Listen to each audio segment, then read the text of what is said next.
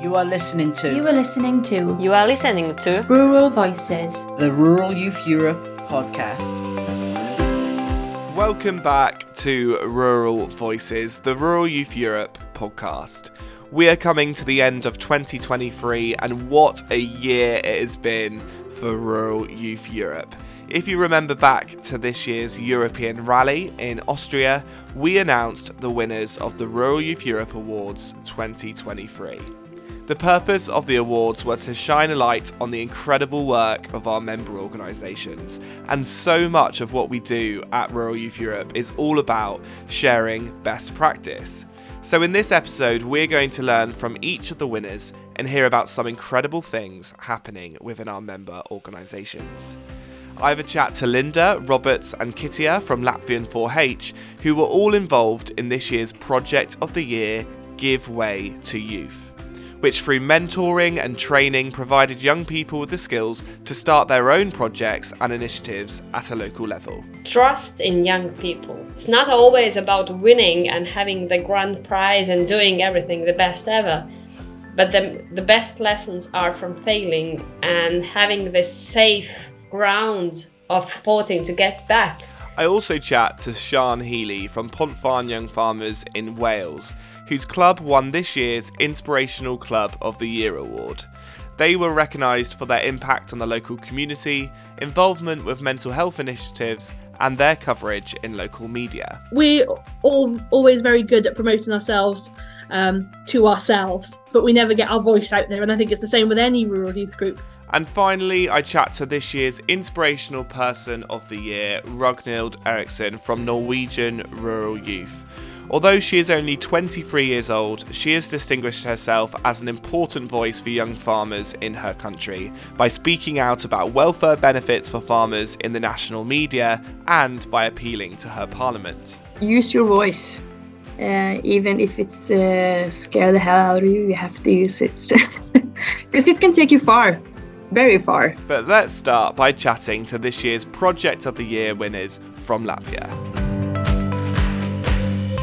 So I am delighted to be joined by Linda, Roberts, and Kitija, who are all from Latvian 4H and were all involved in this year's prestigious Rural Youth Europe's Project of the Year 2023. Welcome to the podcast. Linda, you are no stranger to this podcast. I chatted to you at the rally. Uh, we go back a long way. Um, you were involved in setting up this award winning project. How did it feel when you heard at the rally that this had won? You know, it's been uh, years when Latvian 4-H has applied for the project of the year. Uh, and each year there are so many good ideas and so many good projects winning. And at one point it became like a routine. We will apply we, we, because we have some good practice. And when we realize that once in a lifetime we won, uh, it's uh, really uh, it's amazing feeling because all the projects that are uh, in there they're excellent exactly the best of the best and it feels like really good that you can clap on your shoulder and say we did a good job Yeah, for sure. And could you just, the the project is called Give Way to Youth. Can you give me a bit of a summary of what this project is all about? What is it trying to achieve?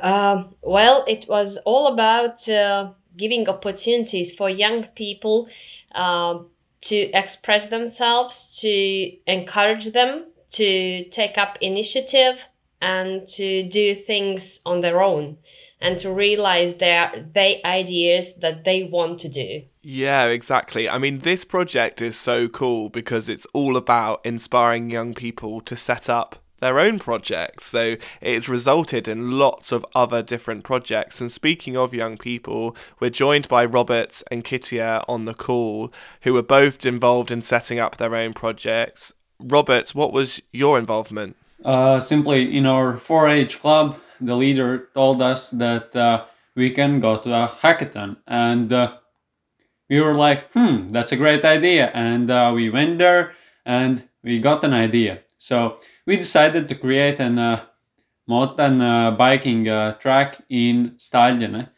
and yeah, it it felt insane that uh, we can do something like that because it's a so big so big uh, project.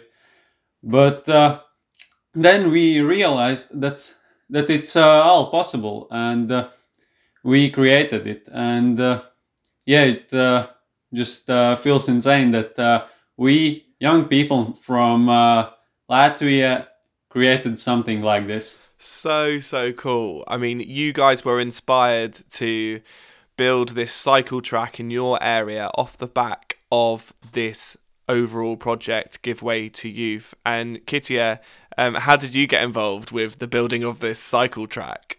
I got involved with it because Roberts just he texted me and just asked if I want to join, and I thought it sounded interesting, so I did, and it all went from there.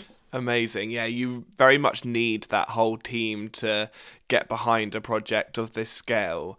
And actually, you're both part of the same club in Latvian 4H, aren't you? And actually, it's your club was one of the finalists in the Club of the Year category for the awards as well. Roberts, can you uh, tell us what your club is called and tell us a bit about it? You, you sound like you guys do an awful lot. What what do you get up to? So our club is called uh, Stallions. In English, it would be Stallions 4-H Club, and the idea is very simple. So it gives an opportunity to young people uh, to learn something more about uh, farming, uh, something uh, more about like create like realizing uh, their own ideas and uh, doing great to the local local community.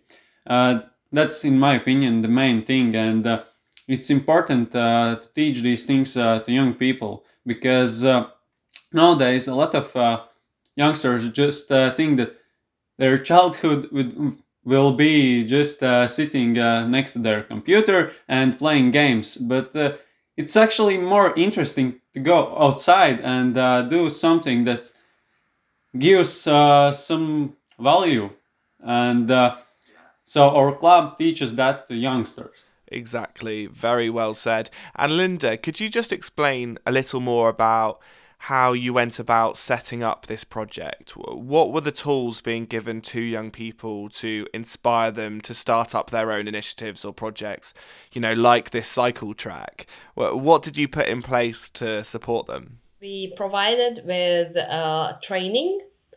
Uh, we provided with a mentorship and with um, a little amount of the uh, money that they were able to use for the but they had to raise their own finances as well.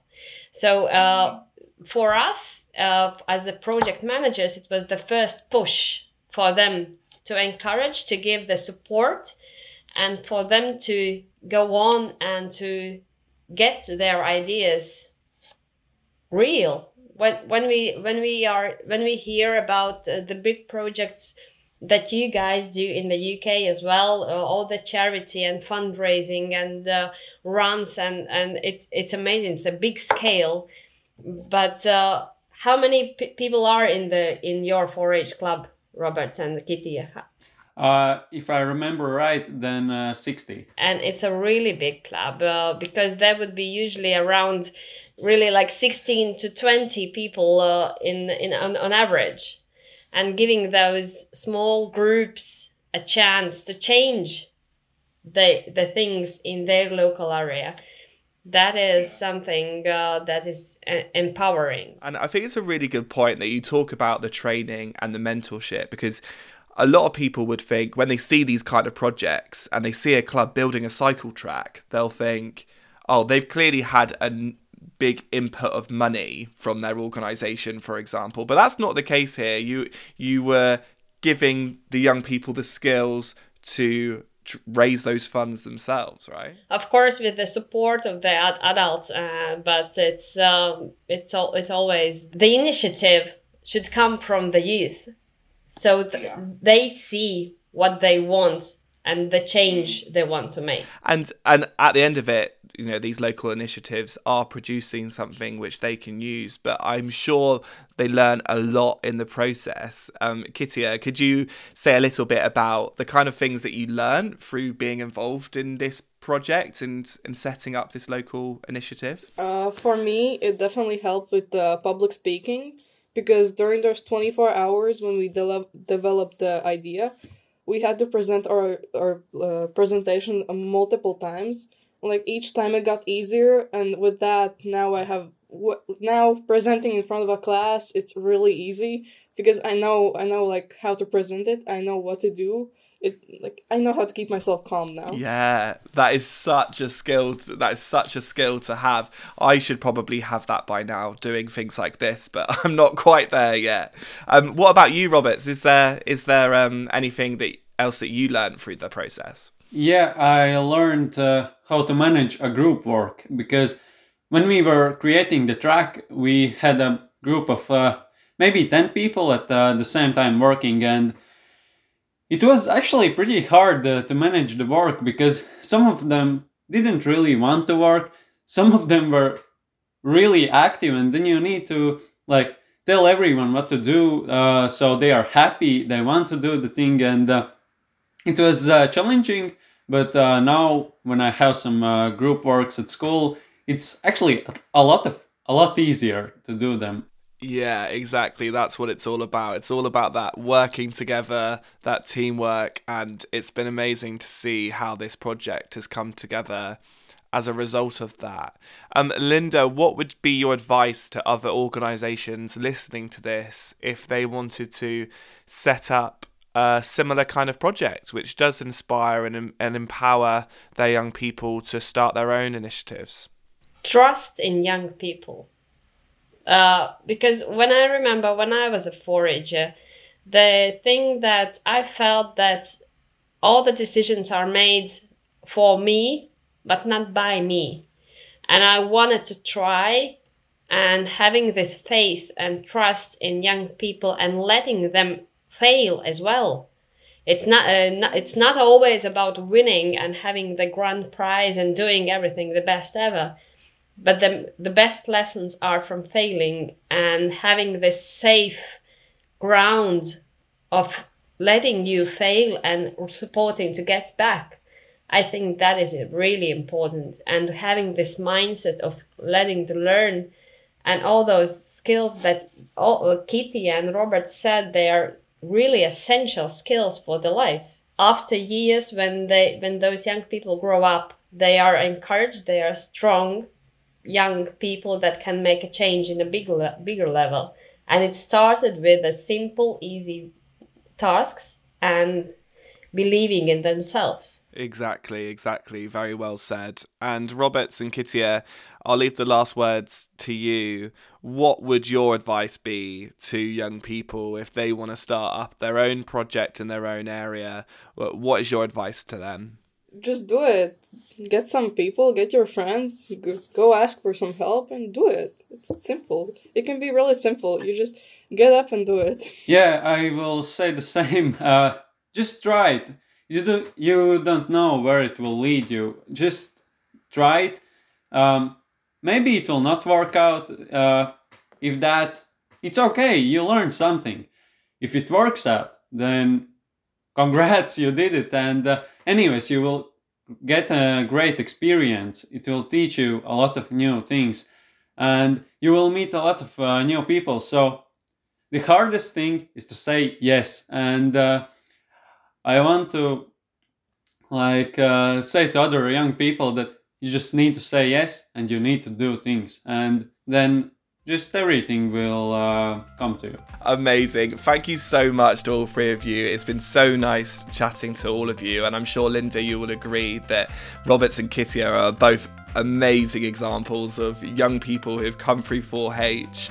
Um, who are achieving so much. So, thank you very much, and uh, I wish you all the best for the future. thank you and all the best for the rural youth europe as well as we are all part of it and stronger the local organizations become stronger the big organization is You are listening to You are listening to You are listening to Rural Voices. the Rural Youth Europe podcast.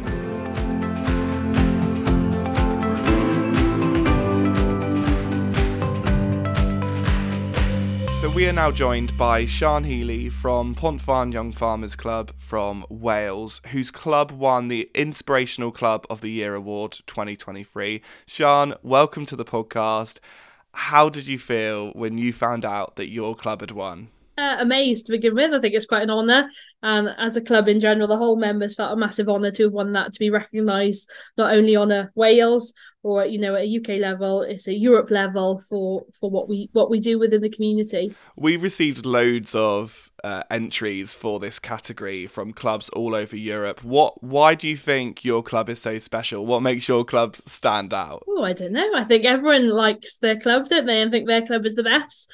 Um, I think just in Pontfaen, we always try. You know, members are at the heart of everything that we do, um, and we're big supporters of our our community. We draw from a big big area, um, and we utilise our community hall um, the most. You know we try and fill it with anything that we can. So regular club nights there or um, community nights and we go to the sometimes we go to the pub um, in Pwllgloyw and have um, quiz night there and we had a Halloween party there. So we just that whole feeling of community and the YFC is a big family. Yes, yes, I know exactly what you're saying. Being a young farmer here in England as well, it's all about community, and I love it how these events that young farmers put on, it's for your members, but also it's for the local community, isn't it? And the local community are all getting involved. Oh, massively. You know, they always really actively get involved. Again, this year we're holding our illuminated charity tractor and 4x4 run. Um, this year we're fundraising for prostate cancer and Velindre Cancer Centre. Um, just, you know, they're quite um, relevant charities at the moment within our community. So we felt we wanted to give back. And a way, you know, of promoting, it's bringing everyone together over the Christmas period. It's just fantastic seeing driving through the communities, everyone out on their doorstep waving and willing, you know, just donating, even if it's just one pound or two pound, but with everybody doing that, it just raises so much, so much money and you know and the socializing you know coming out you might not see especially since covid i think we've all gone a bit restricted in who we socialize with um but it's getting out of the house and in a safe environment and people just saying hi to their neighbor yeah yeah, absolutely. And let's chat about that illum- illuminated tractor run because some people will be listening to this from other countries thinking, what on earth is that? Can you explain what a tractor run is and also what an illuminated tractor run is? So, your typical tractor run would be like that you organise it as an event. So, ours is, starts from the um, livestock market in Brecon just because it's got a big car park. So, all the tractors, um, with the drivers or the farmers, um, bring their tractors and line up. Um, and the illuminated part is that they're dressed up with um, lights, so battery powered lights. I know B and M in Brecon are always sold out of their battery powered lights when it comes to our uh, tractor run.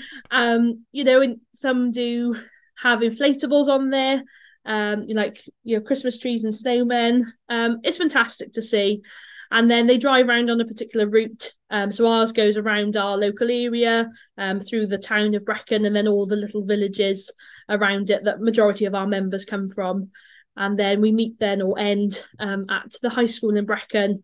And this year, um, We've got a grand uh, raffle that members are currently selling tickets for. Again, all the proceeds are going to our two charities. We're going to have some carol singing there, mulled wine and mince pies, and just a big festive get together just before before Christmas. Oh, amazing. That sounds really, really good. And I'm sure that will be a massive spectacle, which will be incredible to see. And we'll try and get some of those photos and videos up on the Rural Youth Europe social media after you've done it. Um, another thing that I really wanted to talk about was the fact that your club got in the news. Um, you were on ITV Wales. Um, on the news. Why did your club make the news?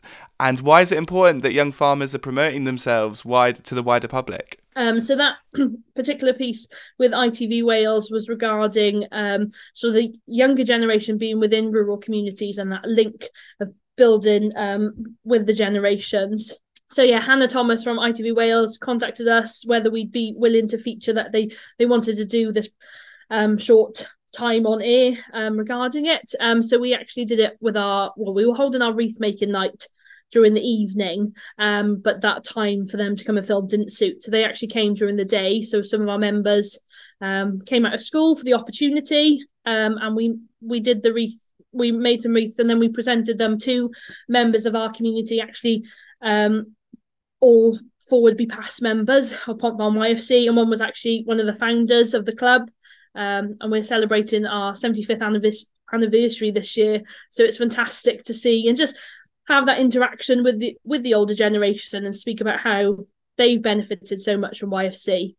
Um, so you know, it's great just to get we're all always very good at promoting ourselves um, to ourselves, but we never get our voice out there. And I think it's the same with any rural youth group. So it was fantastic coverage um, to have on ITV Wales to show you know what YFC is about and, and part part of the community feel that we have. Amazing. I think it's so brilliant to see. There's nothing better than seeing a club being super proud of what they do. They realise the value in what your club is doing. And for you to have that platform to showcase that to the wider public on the news is brilliant. So amazing, amazing work on that. I also just want to pick up uh, briefly on the topic of mental health because I know that as a club you do quite a lot to support your members and you were involved in a particular campaign, weren't you, um, surrounding mental health and, and supporting people within your community? There was a campaign done oh, we through Powys County Council we had fundraisers. We made these um, talk benches. So actually in our well, one of our villages in Merthyr Cynog we've got a, a time to talk talk bench. Um, and it's actually made out of tires recycled tires we made the bench and painted it purple because purple is our main club um, colour. Um, and it's great to see that you know in the village and people going to sit there and have a chat. And we try and maintain that as a nice area for people just to to walk and get out and, and socialise once again. Oh, brilliant. What an amazing initiative. No wonder your club won Inspirational Club of the Year. And I know that you hold the role of club secretary, and I know what it's like to be a club secretary, a club chairman. It is really hard work when you're leading a club, especially when you have lots of young junior members in your club, like you have. And sometimes that can be a little bit trickier for the older members to manage when they also want to be enjoying young farmers themselves.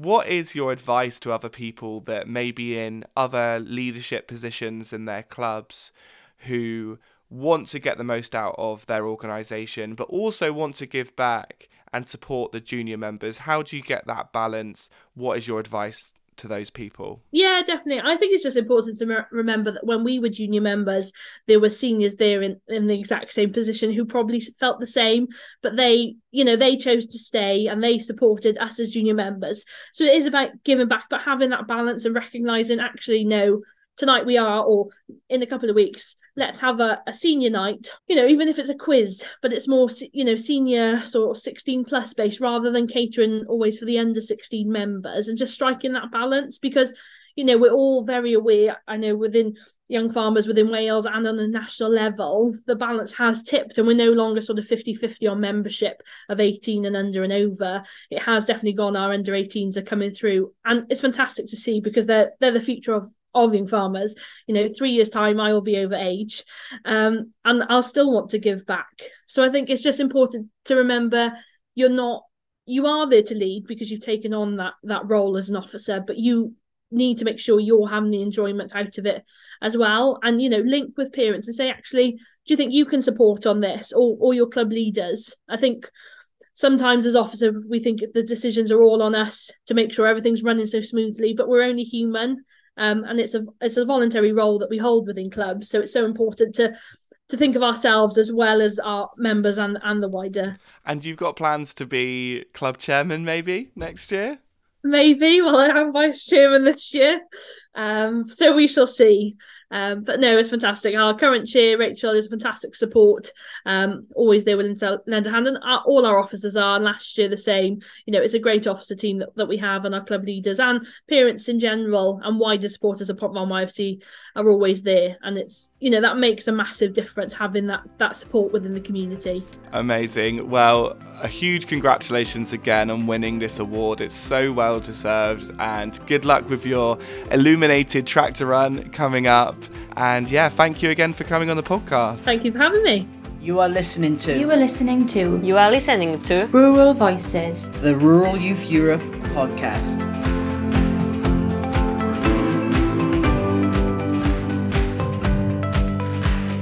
Welcome, Ragnhild, to the Rural Voices podcast. You were awarded Rural Youth Europe's Inspirational Person of the Year 2023.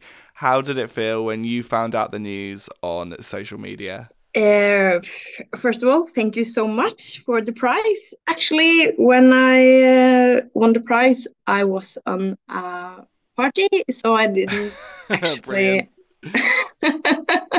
understand um, before the day after. But uh, it was uh, it was really really really fun, and um, I was actually not expecting all. So um, so uh, yeah, I thank you, thank you so much. and you're a member of Norwegian Rural Youth. Let's take it right back to the start. When did you join Norwegian Rural Youth? It was in 2015. Uh, and then I uh, stepped in as a local group leader the following year in my um, local uh, rural youth, Berg. Uh, and after that, I had um, several positions uh, within the organ- organization. It's snowballed. It's snowballed from there. It's, it's just got bigger yeah. and bigger. What what kind what kind of activities do you get up to um, within your organization? Very many things, but uh, the past two years I was uh, uh, served as the organization voice chair in the central board. So then I have um, very much uh, paperwork, and um, for me, the mo most important thing is to be a familiar face to our members. Yeah, exactly. I feel feel like that is so so important. There is so much work like you say, that goes on behind the scenes if you're sat on a board and you're having to work through policies and things like that. But it is so rewarding and, and you get so much out of that network, don't you? Um, but yeah, it is so important to be to be a, a familiar face and approachable face for, for the members as well.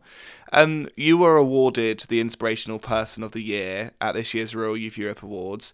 You were nominated by Ingrid from your organisation, who said in their application that you have distinguished yourself as an important voice for young farmers in your country.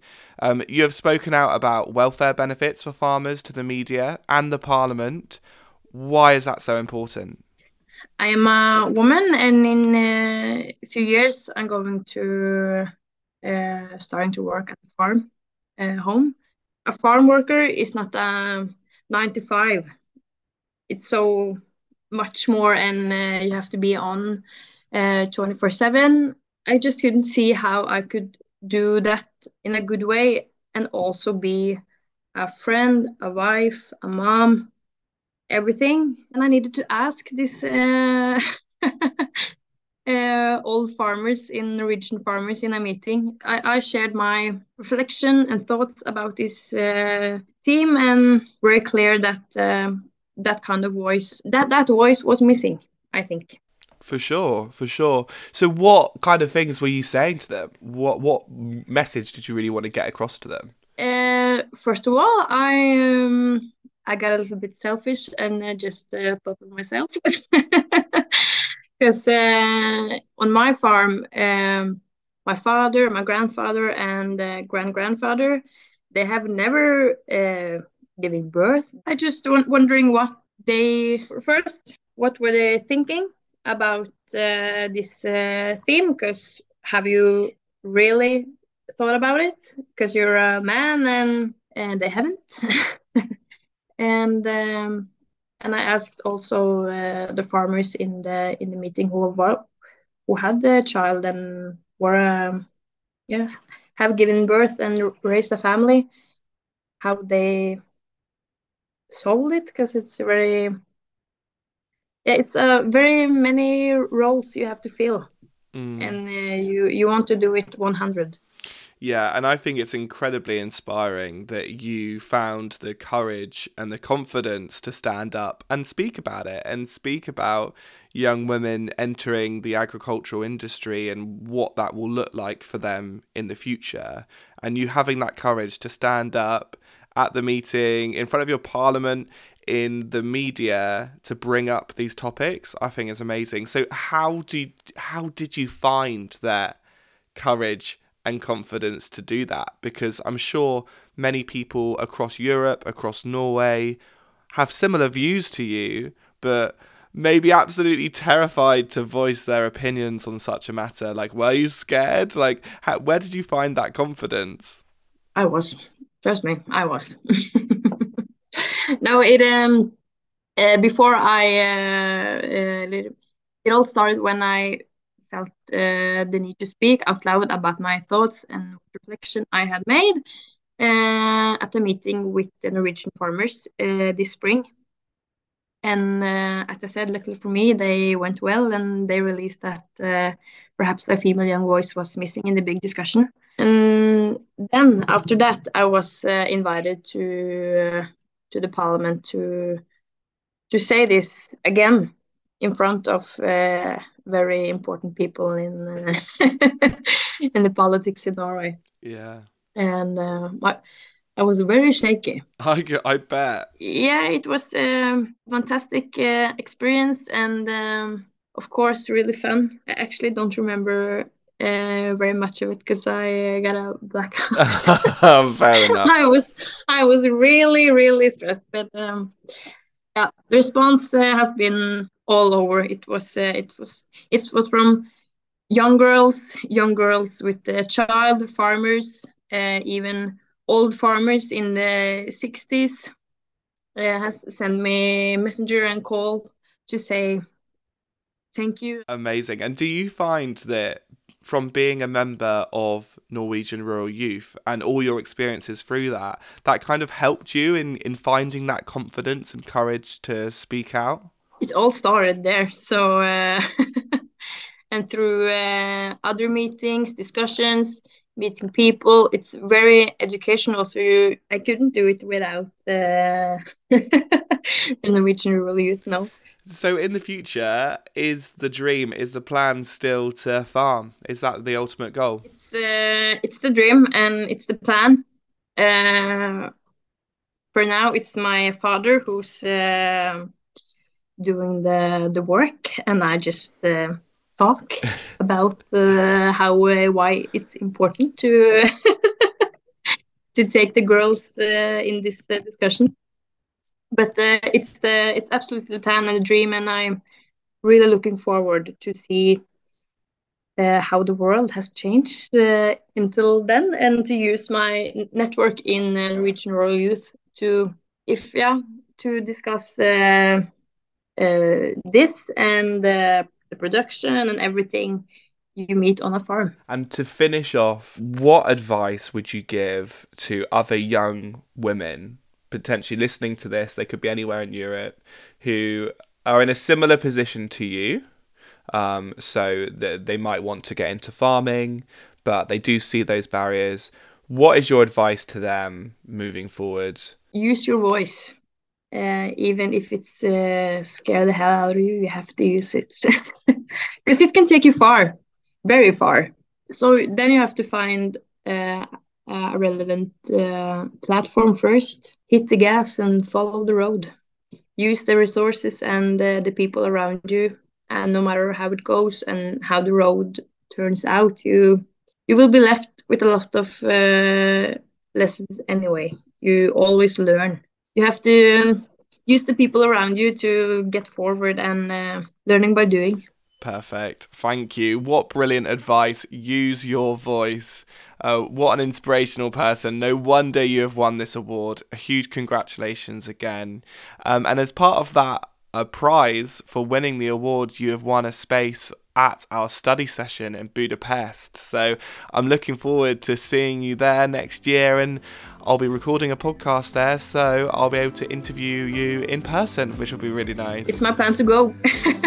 Um, thank you so much again for joining us on the podcast. Thank you. You are listening to You are listening to You are listening to Rural Voices. the Rural Youth Europe podcast. So there we go, all the winners from this year's Rural Youth Europe Awards. We cannot wait to see what you all get up to in the next year and see what rural youth can achieve across Europe. In the new year, we will be back with the podcast looking back at our autumn seminar in Georgia, as well as looking ahead to all our events in 2024. So make sure you hit subscribe on whatever podcast platform you're listening on and keep up to date with all things Rural Youth Europe by following our Facebook and Instagram.